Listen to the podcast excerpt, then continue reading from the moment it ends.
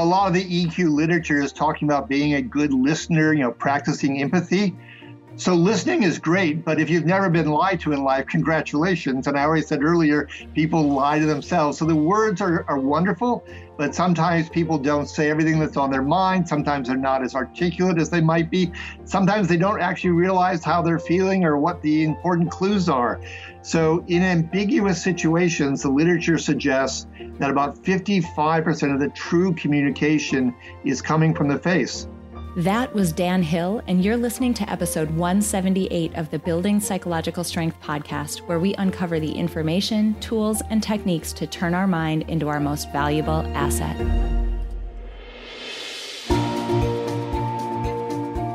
The courage to face fears with persistence. Being able to be present enough in this moment to choose my response thoughtfully. We have the strength to bend to life stressors, to bend to adversity without snapping, without breaking. There are only six things that contribute to our quality of life, and they are all experiences. In every moment, we are deciding who we want to be and how we want to live our lives. Noticing what your brain is doing and then being able to make choices. Mobilize the things that we know lift us up. Hey everyone, welcome back to the Building Psychological Strength podcast. My name is April and I'm your host. I want to thank you so much for coming back week after week after week. It absolutely warms my heart, especially in the times that are as uncertain and crazy as these last couple of months have been. It has been such an anchor point in my life to be able to do this podcast and connect even in this virtual audio way with so many of you who I feel like are truly this family and community that's forming. So I just want to thank you for continuing to come back here because, again, this anchor point in my life of putting together these episodes and finding experts and diving into their areas of expertise has been something that has been eh, just a motivator for me during a time when it would be so easy to lose that. So thank you. Thank you so much because you've really kept me going during these weeks. Now, I'm excited about this week's topic because we're diving into the topic of emotional intelligence. I mean, talk about something that is fundamental to our life experience and fundamental and core to psychological strength. Our ability to know our own emotions and recognize those of others is absolutely crucial in terms of the way that we relate to other people and experience life. So, this week we're talking to a man by the name of Dan Hill. He is an internationally recognized expert on the role of emotions in a bunch of different realms stuff like politics, business, sports, pop culture. He's a speaker. He's spoken to audiences in over 25 countries. We actually get into that a little bit the differences in the ways that we express and that we can read emotions in different cultures. It's so interesting. And he basically pioneered the use of something that he calls facial coding, which is the analysis of facial expressions. He pioneered this use in things like market research, which is what he did with his company Sensory Logic. Um, he's done work for a ton of the world's top 100 companies. He's got seven different patents that are related to facial coding. And he's also the author of the book Famous Faces Decoded, a guidebook for reading others. This conversation is so interesting. Not only does Dan talk about at a conceptual level what EQ is and what facial coding is and what emotions are and all of that, but he gives really specific examples of people, like famous people that you know, and how their signature emotions are ones that you can see in the way that they, I mean, frankly, move their face while they talk. He talks about how each of us has our own signature emotion and what that might say about us, and also how that connects to societally, the environment that we grew up in, and also our past history. It's so interesting. It was really cool also to talk to Dan about specificity in the way that we label emotions. You know, one of the things that we've focused on within Peak Mind is being able to recognize not just I feel good, I feel bad, but to get deeper than that and be more specific about how you label your emotions because ultimately they are information to you about the situation you're in or about whatever it is you're experiencing.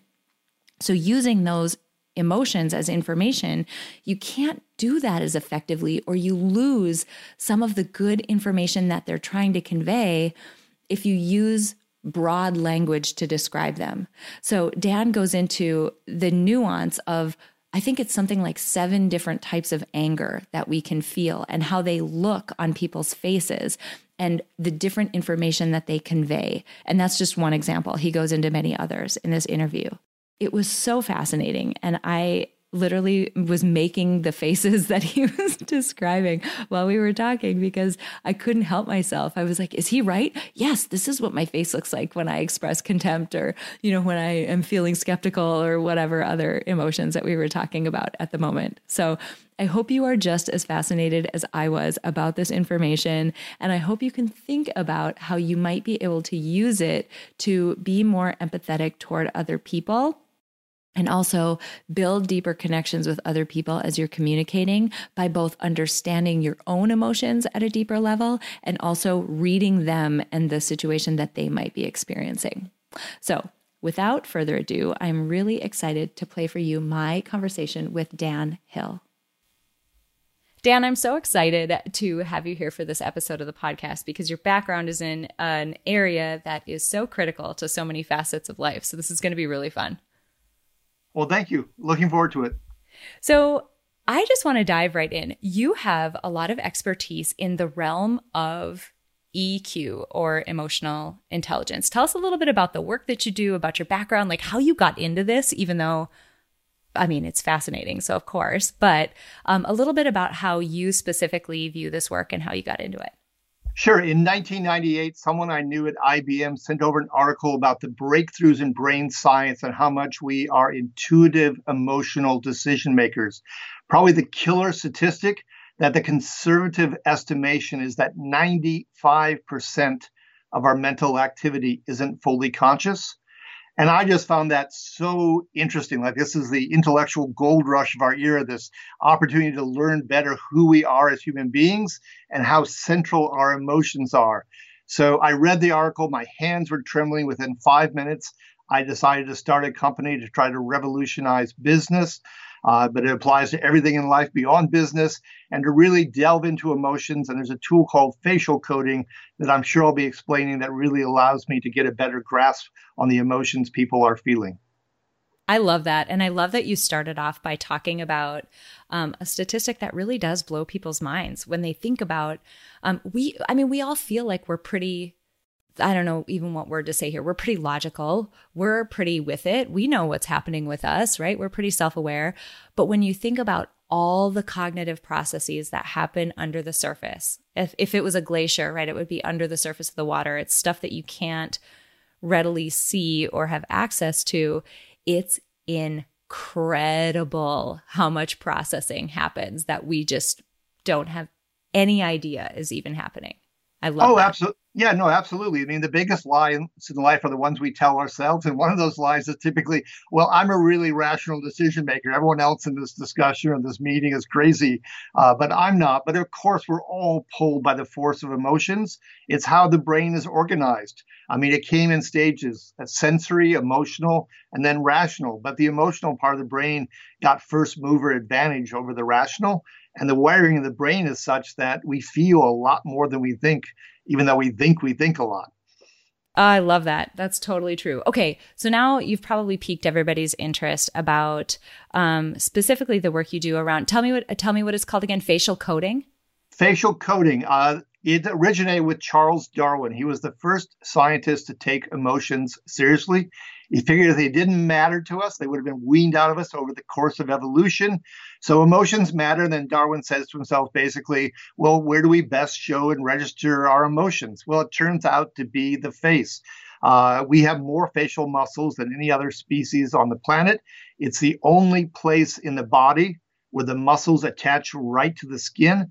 So it gives us quick, real time information about how the other party is feeling in a conversation, for instance.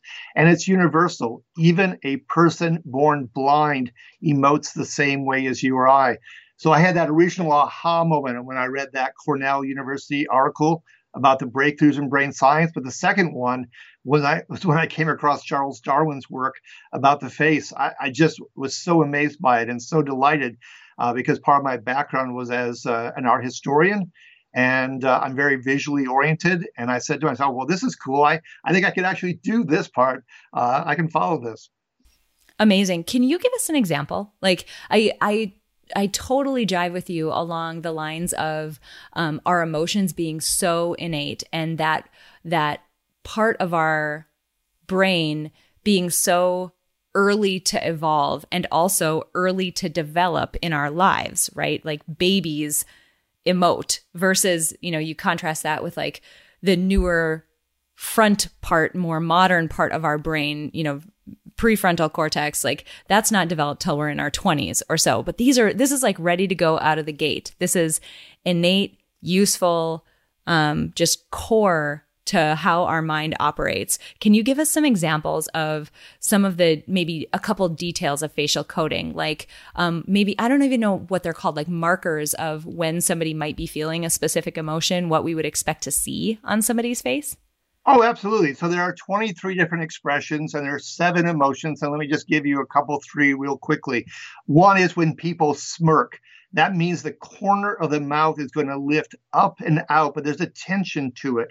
And so you get almost what I call like a pocket tornado. So it looks a bit like a smile. It can overlap with a smile, but it really means something very different. I don't trust you. I don't respect you. I find you beneath me. Contempt is the most reliable indicator that a marriage will fail because you no longer held, hold the other party in esteem. So it looks like a smile, but boy, it it really packs a toxic punch. Uh, another expression to look out for when someone is angry, there's a real possibility that their lips will press together, but not just kind of press together, but press together hard enough that you get a bulge below the middle of the lower lip that is a really good indicator that someone's getting a bit steamed. And if you're in a conversation, you're trying to win the other party over, uh, you probably just antagonize them, and now they're going to be stubborn enough that winning the conversation or arriving at a compromise is going to be harder than it was, you know, a moment ago before you perhaps elicited, triggered this response in the other person. So interesting. And okay, so you're kind of hitting on a couple of perspectives and I'm wondering if we can explore. There's the perspective of how useful emotional intelligence and facial coding is, and just this whole body of knowledge that you have. There's utility in us using that as a way to understand ourselves, right? As a way to um, understand and deconstruct the emotion that we're feeling.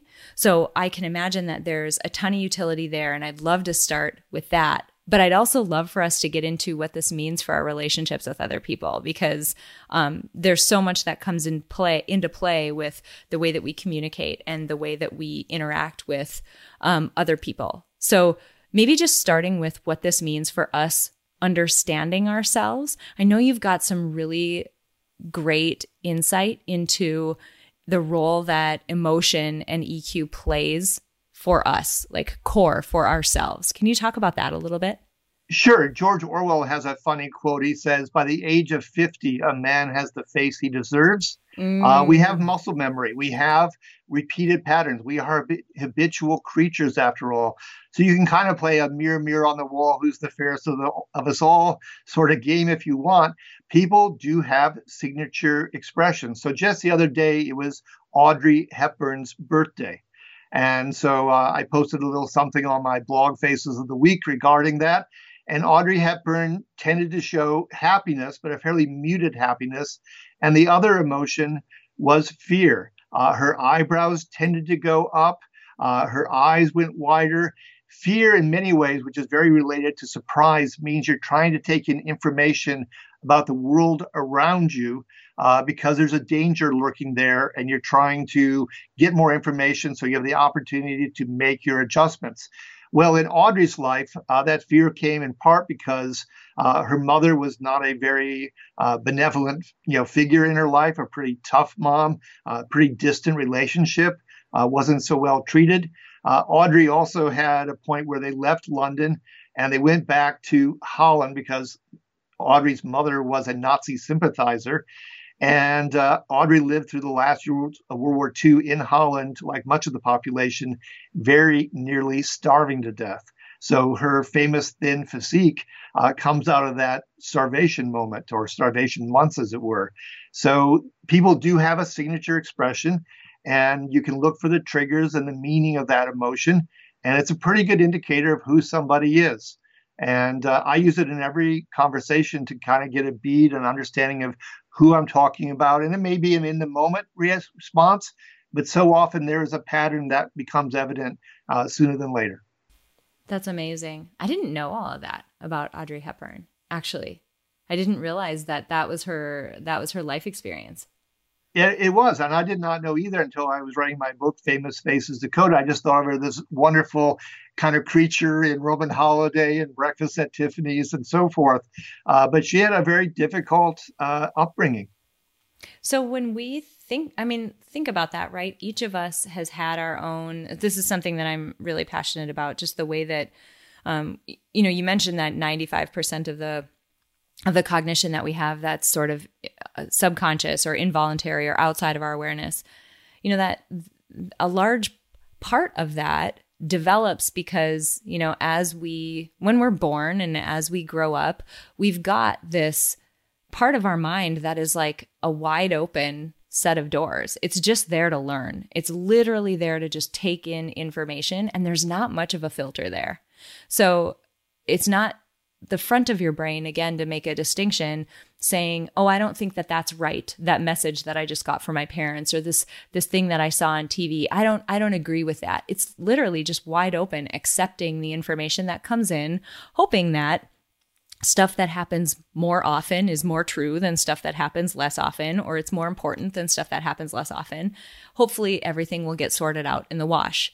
But that doesn't necessarily happen. Our life experience individually as people, it shapes so much the what I like to call like mental habits or the habitual thought processes that we have that guide our behavior. I can imagine though that that influences what you would call somebody's signature emotion or emotions like the way the the life experience that you had would potentially dictate where you gravitate on that emotional scale. Is that the case? It is. I mean, I'll give you another Hollywood example. Uh, Humphrey Bogart. He was perfect to play the guy in Casablanca who doesn't get the girl and goes on to a kind of a lonely existence. His signature expression is his inner eyebrows pull together and arch up. That is a sign of surprise and fear, but it's also a sign of sadness. And I think there's that real mark of sadness on him. And that's why he can play those kinds of characters effectively. Just like Hepburn in his case, uh, he did not have very close relations with his parents. They were very formal, kind of Victorian types. They did not think that uh, being intimate or giving appreciation or affection to your kids uh, was worthwhile, that you should be above that. You didn't need that. And it gives me cause to bring in one other kind of inspiration when I made this shift into facial coding.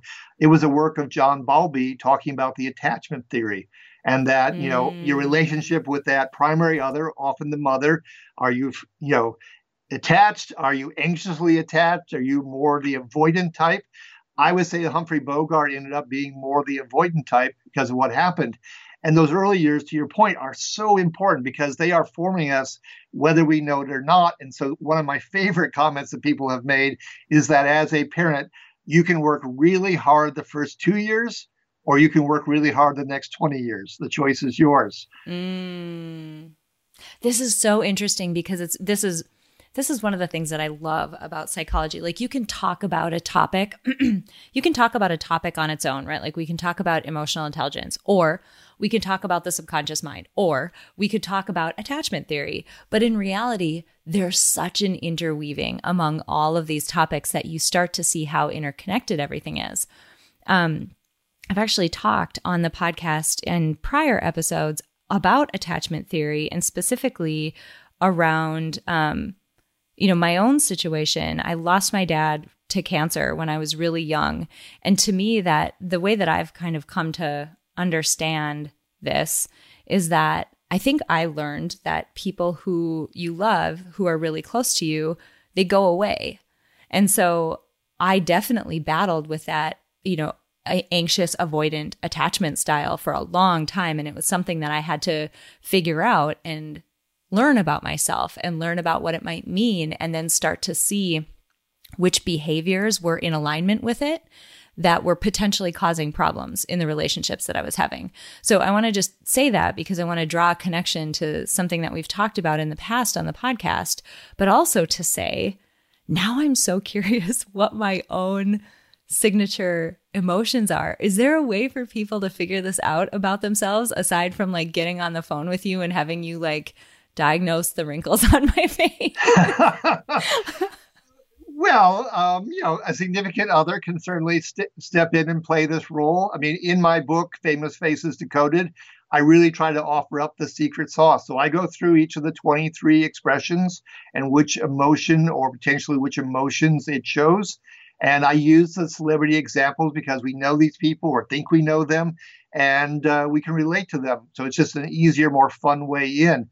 But everyone can do this. I never reveal what my wife's signature expression is but the very first time I met her at the tennis club, uh, I saw a certain combination of, of facial expressions that don't always go together. And it's very definitely her signature expression.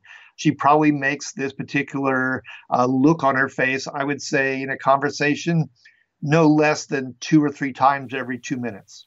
What? Yes. That is amazing to me. That is incredible. I need to like stare at myself talking or something. I'm so curious. Okay, I love this. I love this.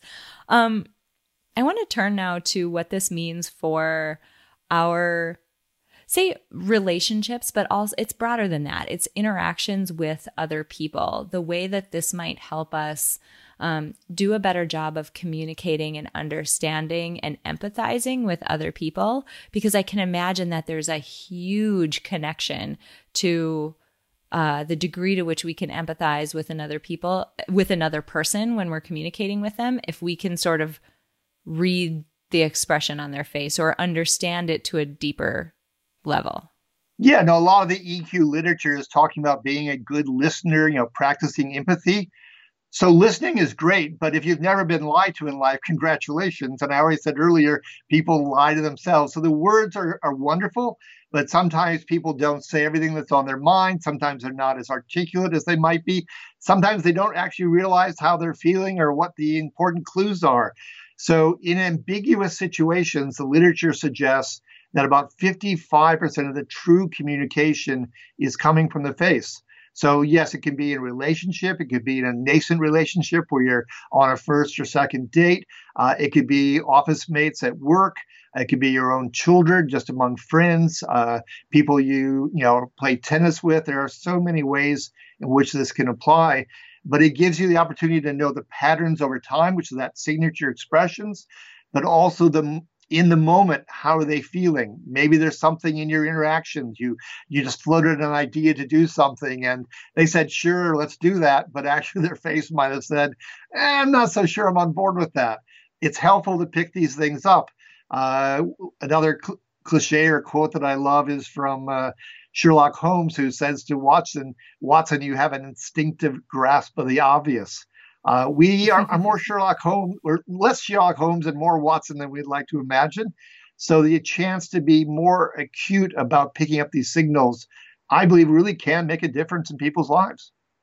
Are there people who are easier and harder to read? Does that make sense? Are there people who emote more obviously? Is that even a question that makes sense? I, mean, I can imagine you know, that that's the case? Oh, no, it's a good question. And it's true. I mean, your emotions tend to turn on uh, when you care about something, uh, when you're emotionally engaged. I mean, in fact, if you go back to Latin, movere uh, is the root word for verb for both uh, emotion and motivation. So there's a lot of connection there in terms of you you care, you're feeling about something, it matters to you, and your face will show that caring. So that's why when you go on a date or if you're married to someone that you say is, you know, like talking to a brick wall, what you're indicating is that you're not seeing any tangible signals that someone uh, really cares about the conversation you're having.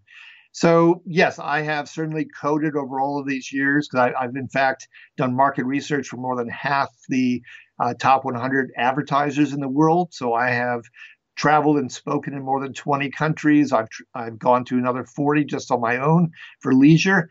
Uh, certainly, the Japanese are the toughest as a culture to pick up. It's a very crowded island. Uh, they tend to be very formal. They were influenced by the British, who were kind of the height of their power when when Japan was forming its kind of national contemporary psyche. So in Japan, there's a really important term of art in a facial coding realm. It's the micro expression, the fact that someone in as little as one sixth of a second may show an expression on their face before they, before they try to squelch it or suppress it or go to a poker face. Uh, for instance, the, the Chinese are much easier to read than the Japanese. So there are individuals who may not emote a lot, there are individuals, on the other hand, that I sometimes say they're not like an open book, they're like an open trilogy because there is so much emoting going on. Sean Penn would be an example of that. Any movie that I watch with Sean Penn is like a real workout because the guy emotes constantly. And as a facial coder, I, am very sensitive and alert to that. Is it just exhausting to be you and like have conversations with people? Uh, it's mostly fascinating and fun because you read the newspaper differently. Uh, I remember when the Iraq war was going on before the surge, and at one point, two generals were testifying to Congress and they were saying it was all going well. And I looked at their face and I turned to my wife and I said, No, no, this is not going well whatsoever. So uh, it can be a movie, a TV show. Uh, I love watching The Office. Uh, because Steve Carell has all these great things going on with his mm. eyebrows all the time. Uh, you can be at a party and you see somebody with a certain look across the room, and you're like, "Huh, what what caused that expression? What's going on?" So I find it fascinating. But yes, I could see that for some people it might be a bit overwhelming at times. Are there features or some of these markers that you've talked about? Are there ones that instantly sort of make you feel like you shouldn't trust a person or and on the flip side ones that make you feel like okay this person's probably okay because i i have this hypothesis that that sort of tingling behind your neck that you get about certain people like i just don't feel like I don't I can't point my put my finger on it, but I don't think that this is okay. I don't know. I think we take in this very subtle information, um, and most of us, I I'm definitely one of those people, have not thought through what might have led to that you know knee jerk reaction that I had.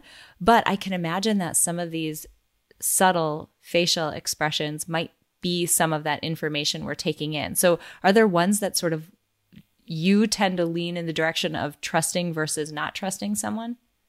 Yeah, the most important thing is the rhythm of the expression because the way in which people emote is kind of like a wave breaking on a shore. It gathers at its peak and then it lets go. So if it's a natural expression, first of all, the timing should be such that the expression could be a micro expression uh, but it's more likely to last one to three, maybe four seconds. If someone laughs at your joke for more than four seconds, they're probably brown nosing you, mm. quite hmm. honestly. So the expression, the rhythm, the things I look for is does it come on naturally or is it kind of like a flashbulb that comes on too abruptly? Does it linger for too long? Does it go away too quickly? I call that the guillotine smile when it just kind of drops off someone's face as if they've deployed the smile and now they're kind of you know putting it back in their pocket or taking it away from the the scene. So really, you want to look for that. You can also look for whether or not the smile, for instance, uh, comes on the face in kind of a lopsided manner, uh, stronger on one side than the other. That could be an indication that they're kind of forcing the expression.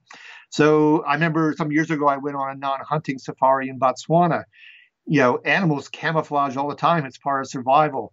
I would say in human beings, things that I notice is that they can be very expressive and they go deadpan on me. And I'm like, huh, why is that? What are you trying to hide? Or the expression that doesn't seem natural, or the smile in particular that does not seem natural. Those would be the first three places I would go to. Mm-hmm. Totally get it. And I love too, just to just to kind of go back, the connection that you talked about between the way that we maybe just allow ourselves to emote versus maybe culturally and societally the degree to which we um, have been trained to, I guess, hide those emotions. There's a lot of, I mean, a lot of the work that I did in graduate school looked at things like like social constructs, like things like gender, where um, we are more uh, we think it's more okay for men to express anger, but not things like sadness. Whereas women can express something like sadness and have it be socially acceptable, but not express anger as openly. Do you see that show up when you, you know, watch both men and women speak? Like when you're looking for these uh, markers with men and women, do you see a difference there? Just that could be based on just societal kind of norms for gender? Oh, I, I, absolutely pay attention to that. I think one of the reasons I'm a facial coder among many is that uh, my father tended to show smirks and was a bit condescending to my mother and also to myself at times, and I did not like it. Uh, it's probably not the average high school boy who reads The Second Sex by Simone Beauvoir on, on his own, uh, but I did that. So I am a lifelong advocate for the importance of women getting their full due. And I can't tell you how many times in a corporate setting, for instance, after a speech or a project, I will have a woman come up to me and say, I'm so glad that and it's a sad statement about our society. I'm so glad that a, a guy would bring this forward and and champion the role of emotions, the importance of emotions, because unfortunately, if I or another woman here brought it forward, it might be looked at more askance, you know, by the people in power who might tend to be a guy, for instance. So yes, uh, emotions matter. Yes, it's not just women who feel emotions; it's guys who feel emotions. Yes, they drive our reactions, and yes, I see different patterns. So you've hit on a really key one uh, about who can be allowed, in a manner of speaking, to go to a certain emotion. Uh, and when I did my book, Famous Faces Decoded happiness is the only emotion where women, as a rule, through the 173 celebrities, showed more happiness than the guys. Otherwise, mm. it was mm. always the guys who showed more because I think women still unfairly are somewhat judged on, you know, beauty as well as, you know, are you a nice person? Are you pleasant, charming, mm-hmm. easy to be around? And I think that puts a certain pressure or obligation on women at times. In contrast, the emotion where the guys really stood out, yeah, they certainly felt more anger, uh, but it was contempt. They showed twice as much contempt as the women did uh, in my study. That's amazing. And something something subtle in the way that you're describing this that I don't want people to miss is how specific you're being about words, right? It's not anger, it's contempt. And this is something that we talk about a lot in when we do workshops in this domain in peak mind because we tend to just uh, we tend to get kind of heuristical about how we're feeling. Oh, I'm feeling good or I'm feeling bad uh, is probably the highest hierarchy that we have. But you know one step down from that is maybe we would say angry or sad or something to so be a little more specific than bad but you're going even more specific than that and the more you can get more specific you can get about labeling your emotion the better chance you have of understanding where it might have come from, what you can do to impact it, or whether you need to, what that emotion, what information that emotion is trying to convey to you about the situation that you're in. But if you're using these really non-specific words, you miss out on the information that that emotion is trying to convey. So I just thought it was really cool how specific you were being about the way you were labeling these emotions that you were looking for. Well, thank you, because that really is central to getting the maximum value out of facial coding. Uh, for instance, in happiness, I don't just say happy, I have four different levels of happiness I'm looking at. With a true smile or joy, the muscle around the eye tightens. It's why you get the twinkle in the eye, and it can't be faked. Um, so that's the highest level. If you come down a level, it's just a broad smile in the cheeks. That's what I call pleasure. Uh, then you have the social smile, the kind of more modest smile uh, that plays on both cheeks. And finally, I call it acceptance. It's kind of like the Filene's ba- bargain basement of happiness. and that's where just one corner, one side of the mouth will turn upward in a smile. And often the duration can be quite brief. And each of those have a different implication as to how the person is feeling. And even I go deeper in my book because I discovered I didn't expect this, but it was one of those discoveries where if I take those top two levels, joy and pleasure, I found a lot of instances where you had fairly unstable people who tended to go to one or the other, but not both equally. So they, I called it tilt, that there was something almost unbalanced about them. And two, I'll, I'll move from Hollywood finally and go on to uh, music. Two people who showed that tilt tendency where they either went high on joy but not at all high on pleasure or vice versa were John Lennon and Whitney Houston and both of them were you know pretty unstable people and so there's a lot of mileage you can get from this. And even if you go on to another emotion anger there are nine different ways we show anger on the face. So some of those i would call much more in the realm of confusion like when the eyebrows knit together. Uh, other times it can be outrage like when the mouth opens in kind of a horizontal funnel almost like a dog where you've taken its bone away from you. So to say someone is angry you know, again, is is painting too simple a picture. You know, what's the nuance? What's the flavor of the anger going on? Is it confusion, annoyance, frustration, outrage? Those are, to me, richer words to help paint the picture of what's happening for somebody. This is so good. I'm literally I'm over here like making the faces that you're saying. I'm wondering if there's anybody listening who's in their car or like running around their kitchen making these faces. I feel myself totally doing that. Um, I love this because it's hitting on such an important aspect of psychological strength. Like our, we talk about things like um, basic things like thoughts and emotions and behaviors as sort of like big categories that roll up into this psychological experience that we have. And this is such an important key aspect of it. I'm curious about, given your background in this work, how you would define psychological strength, just given that this is such a big component of it. Well, I think it's a matter of resiliency and being able to bounce back from a situation. You might be able to bounce back higher, you might bounce back differently. Uh, and there's no problem with slowing down for a bit. I think sometimes people think that there's this stigma about sadness. Sadness is what I call in my book a rear view mirror sort of emotion. It gives you a chance to slow down, reflect, understand what went wrong. So, you know, some of that is actually entirely appropriate and helpful. On the other hand, yes, wallowing in it would not be, you know, strength and resiliency.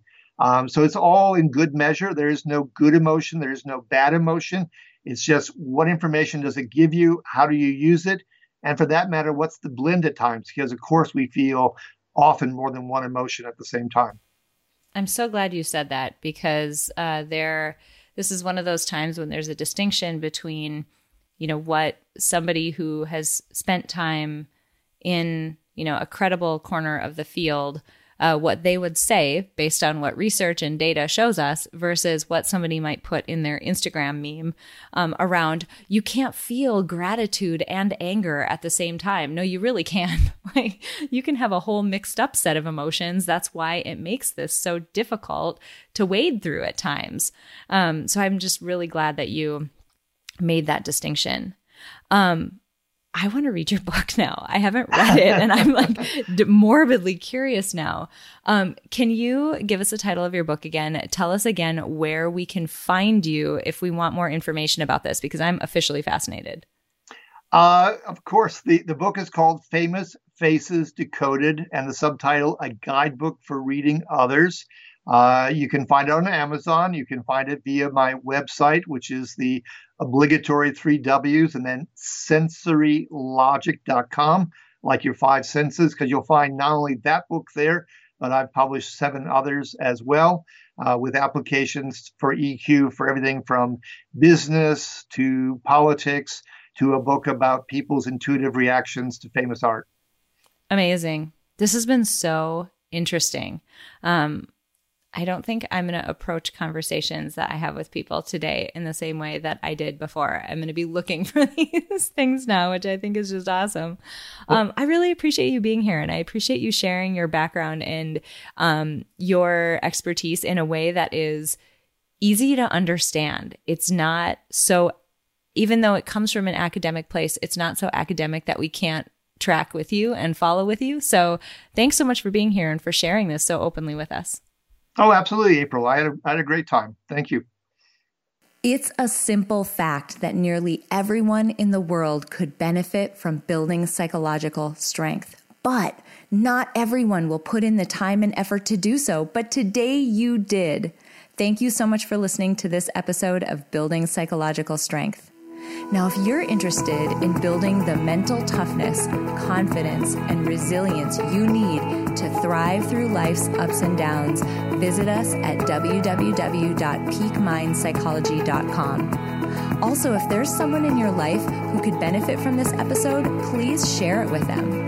And if you yourself found this episode valuable, meaning if you took away even one insight that you can use to build psychological strength in your own life, we would so appreciate it if you would drop us a rating and a review on iTunes. The thing is, the more ratings and reviews we have, the easier it is to get this powerful and important content out to the people who need to hear it. Remember, your mind can be your most valuable asset or your biggest liability, and you get to choose. So choose wisely, my friend. And I'll see you next time on Building Psychological Strength.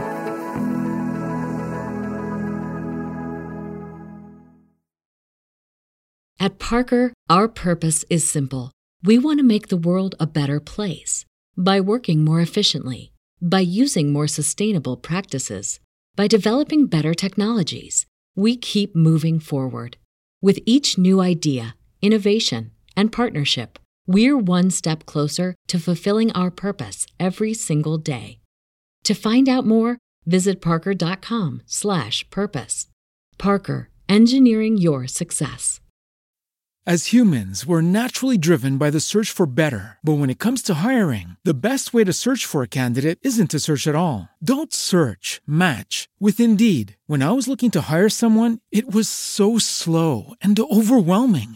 I wish I had used Indeed. If you need to hire, you need Indeed. Indeed is your matching and hiring platform with over 350 million global monthly visitors, according to Indeed data, and a matching engine that helps you find quality candidates fast. Ditch the busy work. Use Indeed for scheduling, screening, and messaging so you can connect with candidates faster. And Indeed doesn't just help you hire faster. 93% of employers agree Indeed delivers the highest quality matches compared to other job sites, according to a recent Indeed survey. And listeners of this show will get a $75 sponsored job credit to get your jobs more visibility at Indeed.com slash podcast. That's Indeed.com slash podcast. Terms and conditions apply.